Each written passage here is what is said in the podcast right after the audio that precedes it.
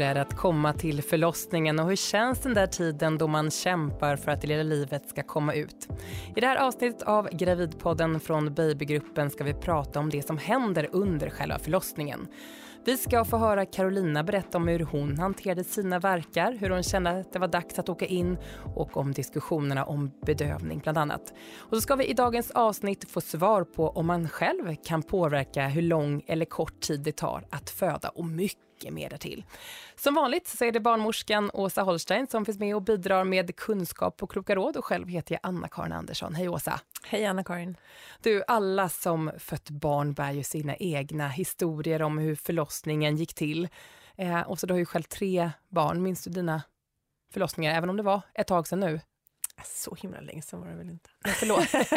en, jo, en, det var ett tag sedan. Ja, jag minns som glasklart. Nästan varje timme, varje förlossning, minns jag glasklart. Varför är det så, tror du, att man, att man kommer ihåg det så starkt, trots att det kan ha passerat 10, 20, 30, 40 år och mer till? Finns det egentligen någonting som är lika stort som att bli förälder? Eller gå igenom den här processen som ett födande är?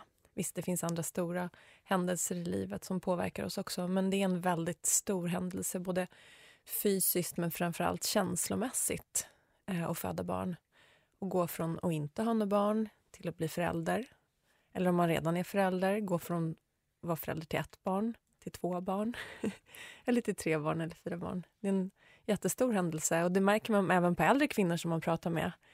Eh, min mormor som födde sju barn, hon kunde beskriva varenda förlossning i detalj. Hon kunde det? Ja. Fantastiskt. Och jag spelade aldrig in det, fast jag tänkte det. Ett stycke kvinnohistoria som gick till spillo. Mm. Nej, det gjorde det inte. Hon har fina, fina barn och barnbarn. Men, men just hennes berättelser hade ju varit härliga att bevara. Mm.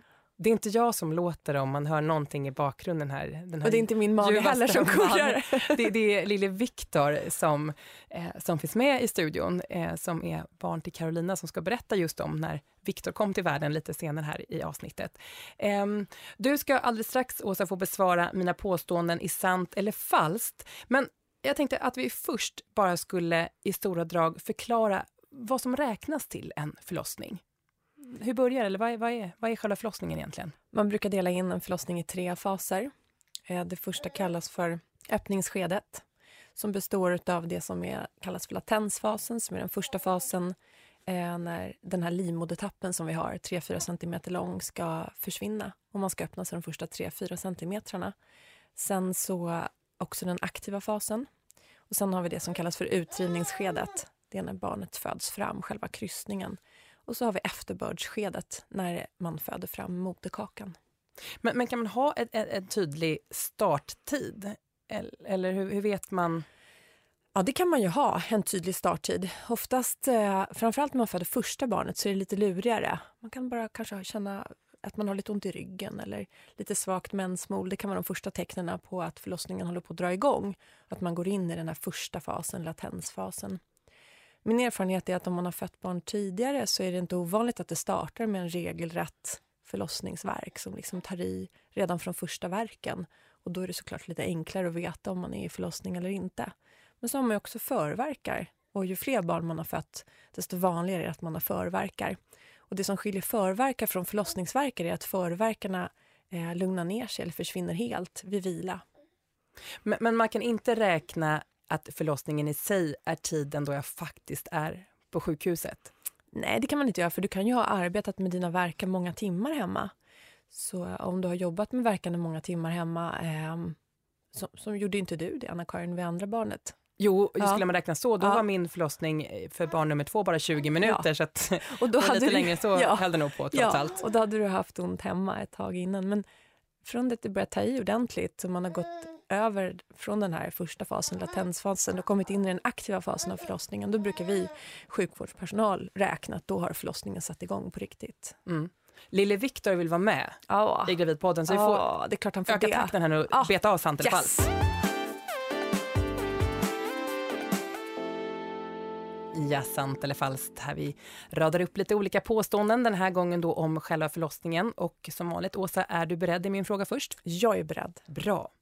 Eh, hur min mammas förlossning var ger en vink om hur min egen förlossning kommer att bli eftersom det är ärftligt hur lätt eller svårt man har att föda barn. Sant eller falskt? Ja, men det kan vi nog säga sant faktiskt. Att det verkar som att vi um, ärver lite hur vi föder från våra mammor. Inte helt supersant alltid kanske. Det är klart det finns variationer men uh, det kan vara så att om man har haft en mamma som har fött barn väldigt snabbt så är det en stor sannolikhet att man själv gör det. Mm. Eh, jag har tydligt skrivit ner att jag vill ha epidural och lustgas när jag ska födas och då kommer det garanterat att bli så när det är dags för förlossning. Sant falskt. eller falskt? Falskt, falskt. svarar jag ja, innan direkt. du ens ja. Bra. falskt. Bra du på hugget. Jag är på. Ja. Nej, det finns, ju, eh, det finns ju inga garantier överhuvudtaget när man är gravid eller föder barn. All personal som jobbar med förlossningsvård försöker alltid beakta de önskemålen som finns. Men är det så att du kommer in och, och du, du krystar, ja, men då, kanske inte finns, då, då finns det inte tid att få en ryggbedövning. Mm. Även fast du har skrivit det i ditt brev och har det som din högsta önskan. Eh, på förlossningen är det mobilförbud eftersom det kan slå ut den medicinska utrustningen. Sant eller falskt? Det är falskt. Att min partner tar med sig filttofflor är en dum idé eftersom det kommer vara blod och annat gegg på golvet vid förlossningen. Sant eller falskt? Det är sant. Det blir oftast ganska blodigt. Inte så att det liksom ligger blodpärlar på golvet och sådär men, men man kan väl välja ett par andra tofflor, kanske en filttofflor. Eh, typ Foppa-modellen eller ja, någonting inte gummistövlar, kan... det är inte så att man ska slafsa runt. någonting som man kan skölja av bra. mm. eh, när jag fött kommer jag ha så ont och vara så trött att jag inte orkar bry mig om det lilla nyfödda barnet. Sant eller falskt? Det är både sant och falskt. Ett Åsa-svar. Har du haft en riktigt, riktigt tuff förlossning Särskilt om den, om den har varit utdragen eller om det har varit väldigt, du har haft väldigt intensiva verkar under kort tid så kan det faktiskt ta upp till ett par timmar innan man som kvinna landar i sin egen kropp igen. Och eh, Så var det för mig när jag födde mitt andra barn. Jättesnabb, tuff förlossning. Eh, jag ville inte hålla i henne nästan faktiskt de första två timmarna. Jag var inte redo, jag hade så ont fortfarande eh, och var trött. Mm. Så så kan det vara. Men oftast är det så att man har krafter så att man orkar ta hand om barnet. Kroppen är rustad så. Och annars kanske man med sig en, en schysst ja. partner i foppatofflor ja, eller någon annan som dola som... får mysa med den här nyfödda bebisen hud mot hud på bröstet. Absolut. Slutligen, på sant eller falskt, eh, när det är dags att föda har jag extra bra immunförsvar och eh, jag kan inte bli sjuk. Skulle jag bli förkyld vet jag därför att det inte är dags eftersom kroppen är så förnulig att se till att jag är på topp när jag ska föda. Falskt. Immunförsvaret generellt är försämrat när man är gravid. Och eh, man kan vara förkyld när man föder barn. Ja, ja. jag sprack den tråkiga.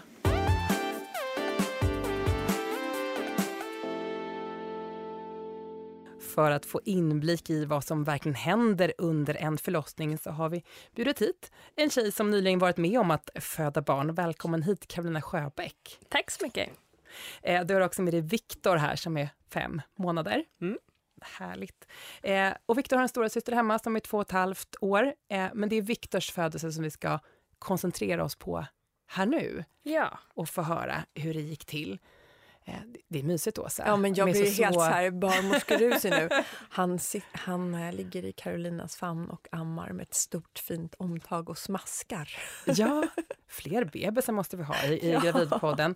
Eh, nu, vi ska gå tillbaka nu, eh, då dryga fem månader i tiden, när det, när det börjar dra ihop sig och helt enkelt blir dags för dig att föda.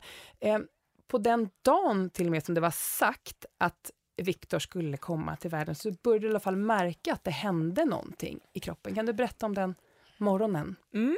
Eh, jag vaknade vid sex på morgonen och hade fruktansvärt ont i ryggen så att jag inte kunde ligga kvar i sängen. Eh, och eh, ja, gick upp och gjorde frukost och sådär och försökte liksom ja, slappna av lite grann. Och då satte lite verkar igång. Men jag haft, hade förverkar från vecka 25 så att jag trodde att det var bara mina vanliga förverkar och sådär som jag sammandragna som jag haft och att eh, jag kanske legat konstigt på natten och så. Hur fort löpte dagen sen då?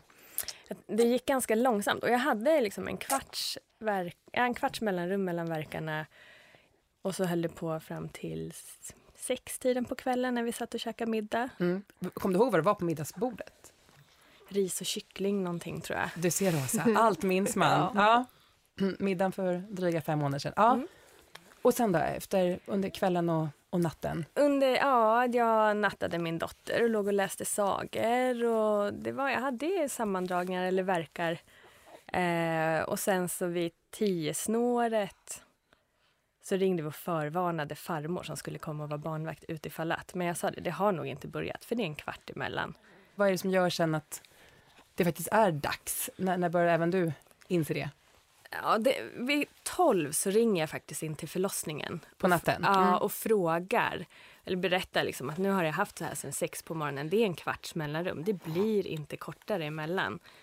Och ja, då säger de det. Men om jag vill så får jag komma in för en kontroll. Men jag tyckte inte att det var så farligt, så som jag trodde att det skulle vara. Så att jag ställer mig och ja, Var inte många timmar sömn den nej, natten? nej. Men när klockan var fem då var jag så fruktansvärt trött över att jag inte liksom fått sova. Så då, då ringer vi förlossningen och säger att vi kommer in på en kontroll åtminstone. Och så ringer jag farmor då, som får komma Så, så alla är med på noterna och nu kastar ni er in i egen bil. i egen bil. Ja, Mm. Hur var bilfärden? den var faktiskt fruktansvärt jobbig. För när jag väl satte mig ner så fick jag nästan... Alltså det, jag ville ju stå när jag hade verkar. Så det, det var ingen rolig bilresa. Som tur var så var det bara tio minuter. Men eh, det, eh, det, det var så att eh, jag var liksom, ville bara krypa ur mitt eget skinn faktiskt. Mm. När de kom i bilen. Hur var mottagandet där sen då, när, du väl, när ni väl kommer fram? Eh, I och med att de var förvarnade om att vi skulle komma klockan sex och jag tror att vi knackade på dörren, typ, eller ringde på klockan två minuter i sex, så kom en barnmorska jättesnabbt ner och öppnade åt oss och eh, följde oss upp till Södra BB då, Mm. där vi skulle vara. Och vi fick ett förlossningsrum på en gång. Ehm, och jag hade, jag, jag tror ändå att jag förstod att vi inte skulle bli hemskickade men under liksom jag hade ändå sån här i bakhuvudet, nej men det kanske ändå inte är dags. Vi kanske får åka hem och vänta några timmar till. Och komma Ja, för det hör man ju att ganska många får, får göra. Mm. Att de kommer kanske för tidigt. Ja, Mm. men, men det händer inte här. Nej, barnmorskan sa ganska snabbt att hon trodde att vi skulle bli kvar och så skrev hon in oss. Så det var väl lite pappersarbete och så som så det tog lite tid. Och Efter en halvtimme ungefär så eh, undersökte de mig och kollade om jag var öppen eller så. Då var jag faktiskt öppen fem centimeter. Så att då, då sa de definitivt att du åker inte hem utan en bebis. Så det var ju trevligt. Ja. Och hur kände du, vad var det då? Nej, Men då slappnade jag av lite grann. Det var väldigt skönt. Mm. Eh, för innan dess så... Ja, men ja, jag var nog lite orolig att vi ändå skulle få åka hem och att jag skulle få ha så där ont som verkarna ändå... De gjorde rätt ont. Mm. Men då vet du att det är dags. Vad, vad händer då? Eh, Eh, då har är skrivit in De har skrivit in mig och så och sen så kollar de, eh, eh, mäter CTG, eh, barnets hjärtljud och sånt över magen och även verktätheten tror jag att det är. Ja, säger jag. Mm, bra, där vi har ju en barnmorska här som nu kan förklara. Eh, och så då mäter de det och, och liksom klockar och då är det väl en tre minuter mellan dem, tror jag. Och så erbjuder de eh, akupunktur faktiskt. För att Ja. jag ska få slappna av lite och känna att jag kanske får lite vila i och med att jag hade varit vaken så länge och så. Funkade det då tycker du? Som, som bedövning? Lite grann kanske. Just att, jag, att man slappnar av. Eh, så att man inte spänner sig lika mycket. Men jag vet inte om de tog bort liksom, smärtan direkt. Nej.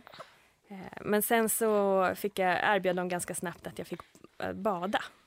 Mhm. Och det var väldigt skönt. Mm, ett långt härligt bad med bubblor och... Ja, typ. Inte riktigt. Inte jag, hade, riktigt. Nej, jag hade väl sett fram emot något sånt. Ja. Men eh, efter fem minuter i badet så känner jag att det säger liksom plopp mellan benen. Eh, men jag såg liksom ingenting utan det bara sa plopp och sen så började det göra fruktansvärt ont. Så Ja. då Vad var det här ploppet för något då? Vattnet gick. Vattnet gick i badet. Mm. Mm. Okej. Då, då såg du, ibland kan man se så små vita fosterfettsflagor i badkarsvattnet. Ja, såg nej, du det det? syntes Nej. ingenting. Så att därför fattade jag inte riktigt att det hade Nej. gått. Eh, men jag kände liksom ett litet plopp och sen började det göra jätte, jätteont. Och då kunde jag inte ligga kvar i badet. Då flög jag nästan upp i badet. Men du tog det upp själv? Ja, Ja. eller ja, maken hjälpte mig upp. ja. Och så ringde vi på barnmorskan som kom väldigt snabbt. Och eh, då, just att det blev så himla intensivt och mm. det gjorde ja, väldigt ont så bad jag ganska snabbt om att få epidural. Mm. Eh, men eh, då hade jag inte testat någon annan smärtlindring så då kom de på att ja, men vi kan förbereda för det och så skulle de sätta en, en nål på handen och koppla ett dropp och eh, sen erbjöd de lustgas till att börja med. Och det tog också en liten stund att fixa i ordning. Så att jag eh, eh fick eh, lite massage, lite sånt eh, utav barnmorskan. Eh, att hon tryck på ryggen där det gjorde ont när verkarna kom och så. Mm. Hade du en, en, en åsikt eller bild av hur, hur du ville föda? Alltså i vilken ställning? Nej, det hade jag inte. Jag, jag, var mest fokuserad på att jag ville ha en epidural. Ja, mm. och, och, och, när det då blev tveksamt, hur, hur tänkte du inför det då? Eh, ja, jag, jag kände mig nästan lite motarbetad av barnmorskan till att börja med. För jag tyckte inte riktigt att de, tog mig på allvar när jag bad om epidural. Utan de, hela tiden kom de med andra förslag. Ja, men vi kan prova, vi kan prova lustgas till att börja med. Och sen så vi kan prova akupunktur igen eller TENS och, och så. Men så till slut så liksom tog jag tag i min man och bara nu måste du hjälpa mig. Jag vill ha epidural. De lyssnar inte på vad jag säger. Eh, och, så, varför fick inte eh, Carolina epidural? Vad är det som, som avgör? Det är många som vill ha det som en ja, snabb lösning på smärtan. Det kan jag inte svara på exakt, för jag var inte barnmorska som Nej. till dig då. Men, men är det så att man tror att det är väldigt nära, eh, nära födseln, då är det så att epiduralen tar bort öppningsverkarna. Och är det så att livmodermunnen nästan är fullt öppen, ja, då har man inte särskilt bra effekt av epiduralen. Eller ingen effekt alls kanske. Det är bara ett jäkla bök och meck och, få den på plats. Mm. Då är det bättre att fokusera på det som man kan göra för att hjälpa kroppen att slappna av. Andas, eh, använda sig av lustgasen, massage kanske, precis det som du fick hjälp med. Mm. Mm. För, för mig sa de till och med att om, om inte du har eh, mer smärta av det här som du går igenom nu, då kommer det göra ondare för dig att ta själva epiduralsprutan. Så det var liksom bara bara att glömma. Men åter till dig, eh, Carolina. Du, du eh, är nu på väg att, att få ut lille Viktor som, som nu är med här eh, i podden. Eh, berätta, vilken ställning blev det då? Och hur kom du fram till det när du kommer till själva den ja, fasen, slutfasen? Eh, ja, mm. på något sätt. Jag vet inte riktigt hur jag hamnade på alla fyra i sängen i alla fall. Eh, och står med lustgasen som är min bästa vän eh, och vill helt plötsligt bara krysta. Mm. Eh, och är jättefokuserad på det. Jag står med, trycker ner näsan tror jag i, i madrassen och rumpan upp i, i luften. Eh, men eh, då sätter de en sån här skalpelektrod på Viktor och tycker att hans eh, hjärtljud var lite för dåliga. Ja, oj, ja. Så att då var det lite akut där på slutet. En doktor kom in. Men jag märkte aldrig det. Utan jag ville liksom bara fokusera på att, krysta. För det gjorde så fruktansvärt ont. Och det tryckte verkligen neråt. Jag ville bara få ut honom. Mm. Eh, så då när doktorn kom in eh, och de ville lägga en sugklocka så var jag liksom helt borta också i eh, lustgasruset. Gör vad ni vill. ja, ungefär så. Och jag lyssnade inte alls på dem för jag stod ju där och bara ville krysta. Så att till slut så fick doktorn faktiskt ryta till. Och så fick de hjälpa till att vända mig eh, i sängen så att jag låg med eh, benen upp i såna här stigbyglar, tror jag att det heter. Men mer som en klassisk gynstol. Gynstolspåse. Precis, gynstol. Och så halvsitter man lite och så. Mm. Ja. Och, och då sen, kommer och, han ut med sugklockan? Ja, en dragning. Så att, eh, jag hjälpte till och krystade ganska bra tror jag, när, när det väl var dags. Men eh, eh, då, då, gick det ganska fort faktiskt. Så efter ett dygns kämpande hemma så gick det fort när du väl var på plats? Ja, jag tror att eh, de sa att jag hade krystverkar i en kvart kanske. Mm. Och moderkakan kommer ut som den ska efteråt? Den, ja, den kom väldigt snabbt. Mm. Sprack det någonting? Ja, det gjorde jag. Ja. Eh, och det gjorde... Alltså, det som gjorde ondast ska jag säga var när de la själva sugklockan för att de måste liksom få in den mellan benen på något sätt. Det gjorde fruktansvärt ont. Mm. Eh, inte när han kom ut det visst gjorde ont, men inte lika ont som det gjorde att sätta sugklockan. Och sen när de sydde efteråt så gjorde det rätt ont i och med att jag inte hade haft någon epidural och så. Och så var jag väldigt spänd Mm. och låg och spände mig så att det, som jag förstått det så förvärrade väl det smärtan lite grann. Mm. Åsa, som barnmorska, även om inte du var med på just eh, Carolinas eh, eh, födande här, eh, är det här en, en berättelse från en ganska vanlig förlossning? Är det så här det kan gå till? Ja, det låter som en vanlig förlossning. Eh, det vanligaste är ju inte att förlossningen slutar med sugklocka, men det händer ju ibland. Eh, det vi försöker göra är, om inte kvinnan har någon bedövning, att lägga en bäckenbottenbedövning som man lägger via slidan innan man lägger sugklockan för att få mindre ont, som Carolina beskriver, precis när sugklockan läggs in. När sugklockan läggs in så är barnets huvud strax innanför blygdläpparna eller en liten, liten bit upp i slidan. Eh, och sugklockan är oftast lite hård av metall. Eh, oskönt. Mm. Särskilt om man vill krysta samtidigt. Ja. Mm. Men, men sammanfattningsvis, hur skulle du själv eh, vilja beskriva din, din, din totala upplevelse av när Victor föddes? Um, Har du ja, en positiv? ja, alltså, ja det, det var det nog. Jag hade föreställt mig att det skulle vara mycket, mycket jobbigare och att jag inte skulle klara av smärtan. Men eh, faktiskt så, så gjorde jag det. Eh, så jag är rätt stolt över min förlossning. Och Mm. att det, det inte var, att jag inte fick eh, bedövning och sådär. Det, det gjorde inte så mycket. För det gick ju bra. Man klarade det ändå. Hade, Ja. du, hade du förberett dig på något sätt inför jag, förlossningen? Ja, jag hade gått en profylaxkurs. Hade du Eh. nytta av det tycker du under Ja, din förlossning? jättestor nytta. Kanske inte just när jag skulle krysta och så. Eh, men hemma framför allt. Att klara av eh, verkarna hemma när de blev så, när de började göra väldigt ont och så. Så gick det faktiskt jättebra att andas igenom dem. Och sen när man får den här vilan på tio minuter, en kvart emellan. Det, det är jätteskönt. Mm. För man, då, då tror man inte att det håller på. Och det var värt mödan, för här har vi beviset, lille Viktor. Viktor börjar som- tröttna på oss nu. Ja, vi ska släppa dig Viktor och din mamma Carolina Sjöbäck. Jättestort tack för att ni ville komma hit båda två. Tack Viktor. Tack. Tack själva. Gravidpodden handlar om vad som händer på förlossningen. Eh, och vi ska reda ut lite grundläggande saker här nu, Åsa Holstein. Eh, du är ju förlossningsbarnmorska, så nu blir det verkligen på prov här. Eh, för jag undrar, vad gör du och dina kollegor egentligen under en förlossning? Nej, vi gör inte så mycket. Nej? Nej, vi väntar mest. Nej, vi gör ganska mycket. Men eh, en barnmorskas arbete är också eh, att ha mycket tålamod. Ja. Det tar tid att föda barn. Eh, vi gör allt möjligt. Ja. Eh, vårt ansvar är ju att se till att eh, den födande kvinnan och det ofödda barnet eh, har det bra och är medicinskt säkra under Mm. förlossningen. Så det vi gör är bland annat att lyssna på hjärtljuden på barnet ungefär en gång i kvarten, ungefär en gång kvarten var 20 minut kanske.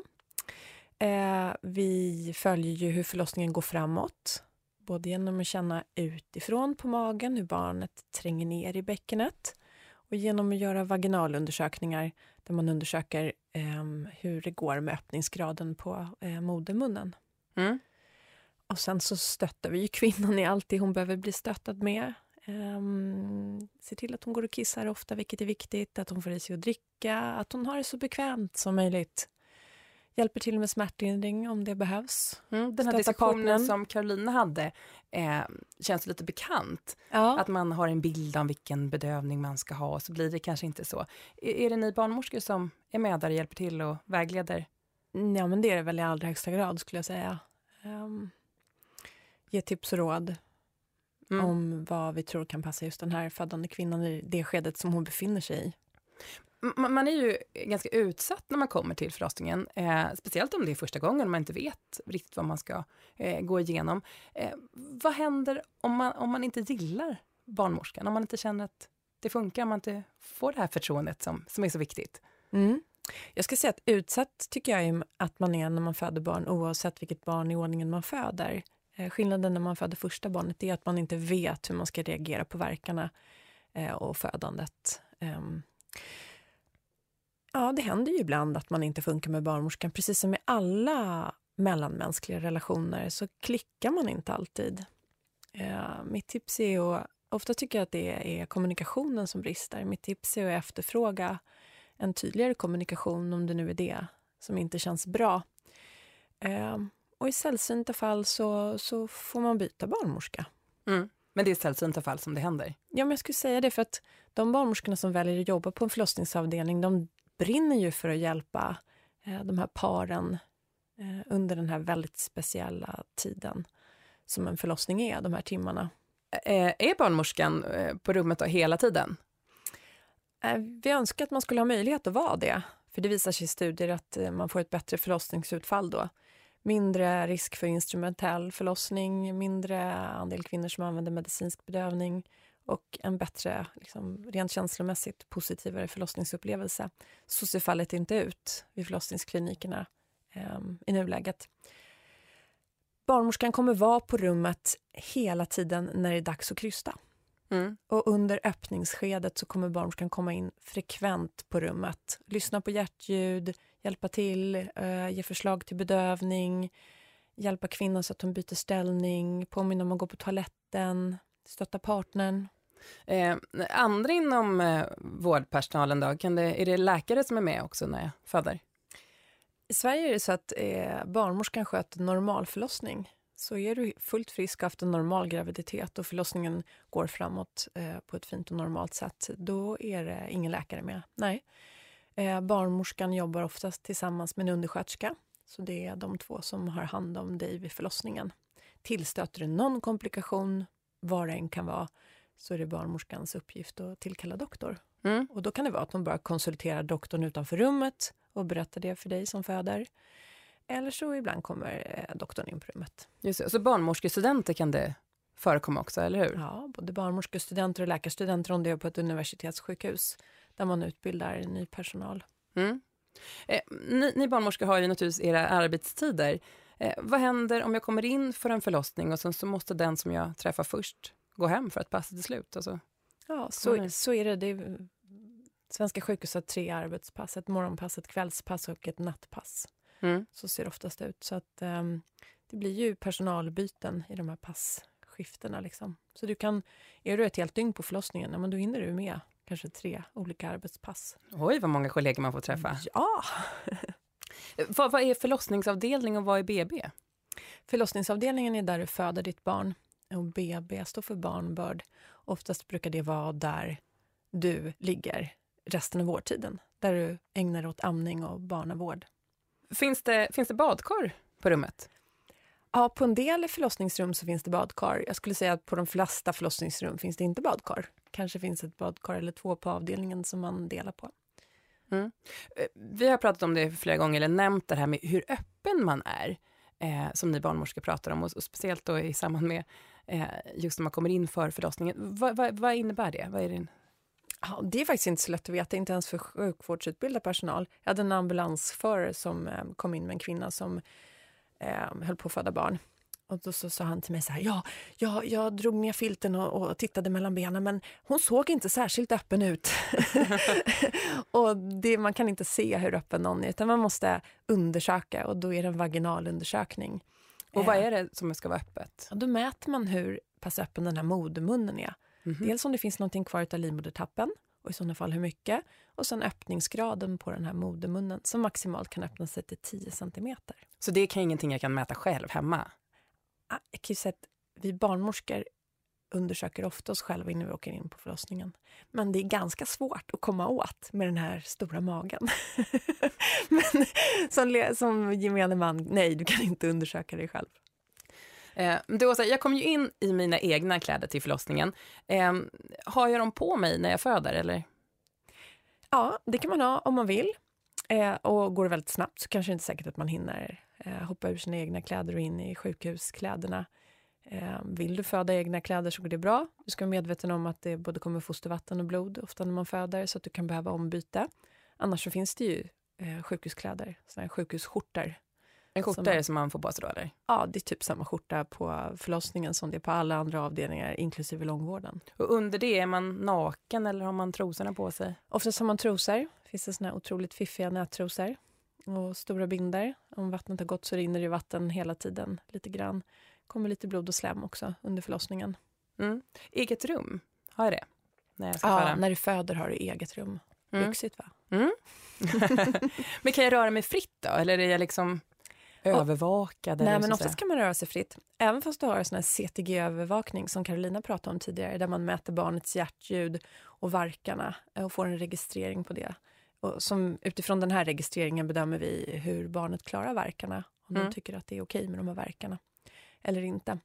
Eh, oftast är de här övervakningsdoserna kopplade till sladdar som går till maskin. Sladdarna är ganska långa så man kan röra sig eh, i alla fall i några meters radie, men inte helt fritt. Mm. Ibland kan du kanske ha ett verkstimulerande dropp också. Då har du en droppställning som du får dra runt på. Eh, men det är inte så att du blir helt sängbunden. Nej. Eh, hur vet jag vilken ställning jag ska föda i då? Eh, du tänker själva liksom när man krystar? Ja, själva ja. Ut, vad säger du? Ja, It, utdrivningen. Utdrivningsfasen. ja. Precis, barnet ska verkligen ut. Precis. Jag kan säga så du kan föda vilken ställning som helst men du kan inte sitta på rumpan. För då får barnets huvud inte chans att komma ut. Ju. Men man kan stå, man kan huksitta, man kan sitta på en så kallad förlossningspall som är en låg halvmåneformad pall. Man kan ligga på sidan i sängen, man kan halvsitta i sängen. Eh, man kan halvsitta i sängen med, med fötterna i sängen eller bena i såna benstöd som Karolina också pratade om. Eh, man kan stå på knä i sängen. Man kan stå upp vid ett gåbord. Mm. Och direkt känner jag så här, vad jobbigt med alla valalternativ. Hur vet jag vad som är, passar bra för mig? Jag kan faktiskt tycka att det är en, en bra förlossningsförberedelse att tänka sig in i hur man vill föda. Det är ju att ta lite makt över sitt födande. Sen är det inte säkert att det blir den ställningen av olika anledningar. Men jobba med att visualisera sig själv födandes är en bra del av förberedelsen.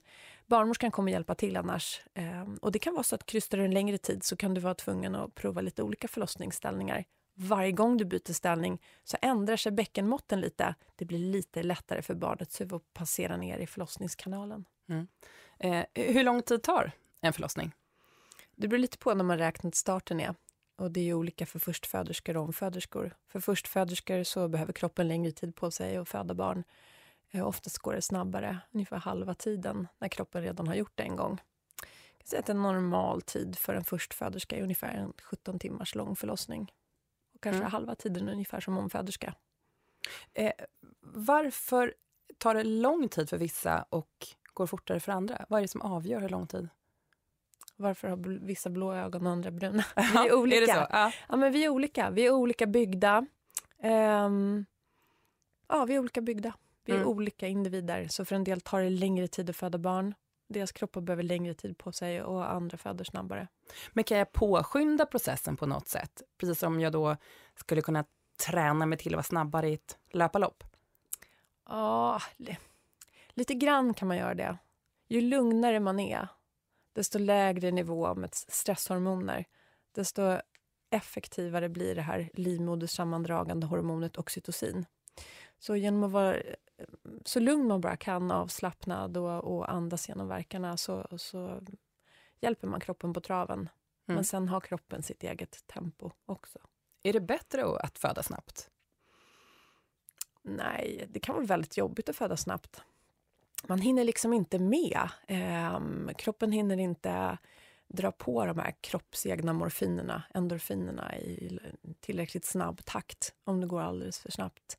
Du hinner inte få ordentligt med paus. Carolina berättade att hon hade 15 eh, minuter mellan varje verk. Det är mm. ju ganska långt och då blir det ju en jättelång härlig paus emellan.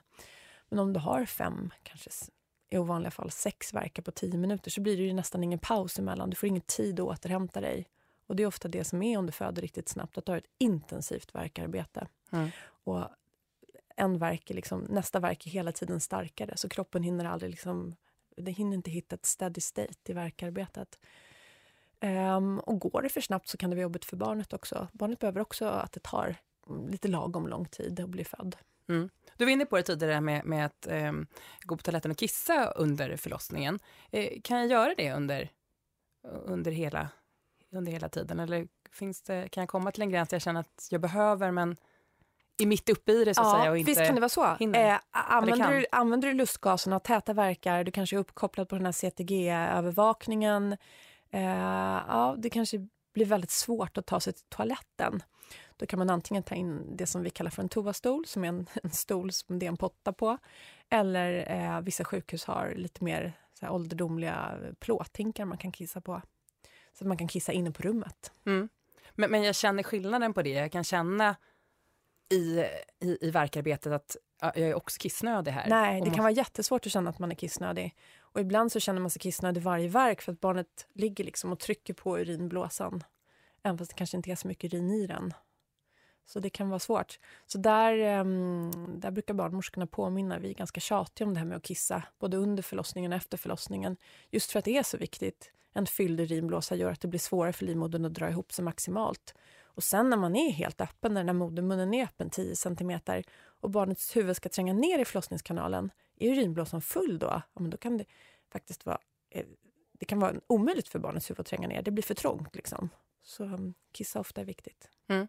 Eh, 17 timmar sa du på ett ungefär att en, eh, en, en förstföderska eh, kunde ta för, för Mellan tummen och pekfingret. Nej, men- det finns jättestora absolut. variationer. Till och med jag är med ja. på den Ja. eh, barnmorskesvaret. eh, men, men om det tar lång tid, det kan, om det tar Ja. längre tid än, Mm. än 17 timmar, vad, vad händer då med, om jag har med mig en, en kompis eller partner eller en man eh, under den här tiden? Vad, vad, vad gör partnern och om det finns mm, pauser, finns det möjlighet för honom eller henne att och slå sig ner någonstans och Ja. vila? Det brukar finnas en fåtölj eller stol i varje förlossningsrum där man, den medföljande kan vila i. Ibland har man möjlighet att rulla in en extra säng kanske. Inte alltid så att det går. Eh, ibland finns det såna stora saccosäckar eh, som partnern kan vila i. Eh, men det är en stor del av förberedelsen att föda barn, att man är medveten om att det kan ta väldigt lång tid. Att man Mm. skaffar sig resurser för det.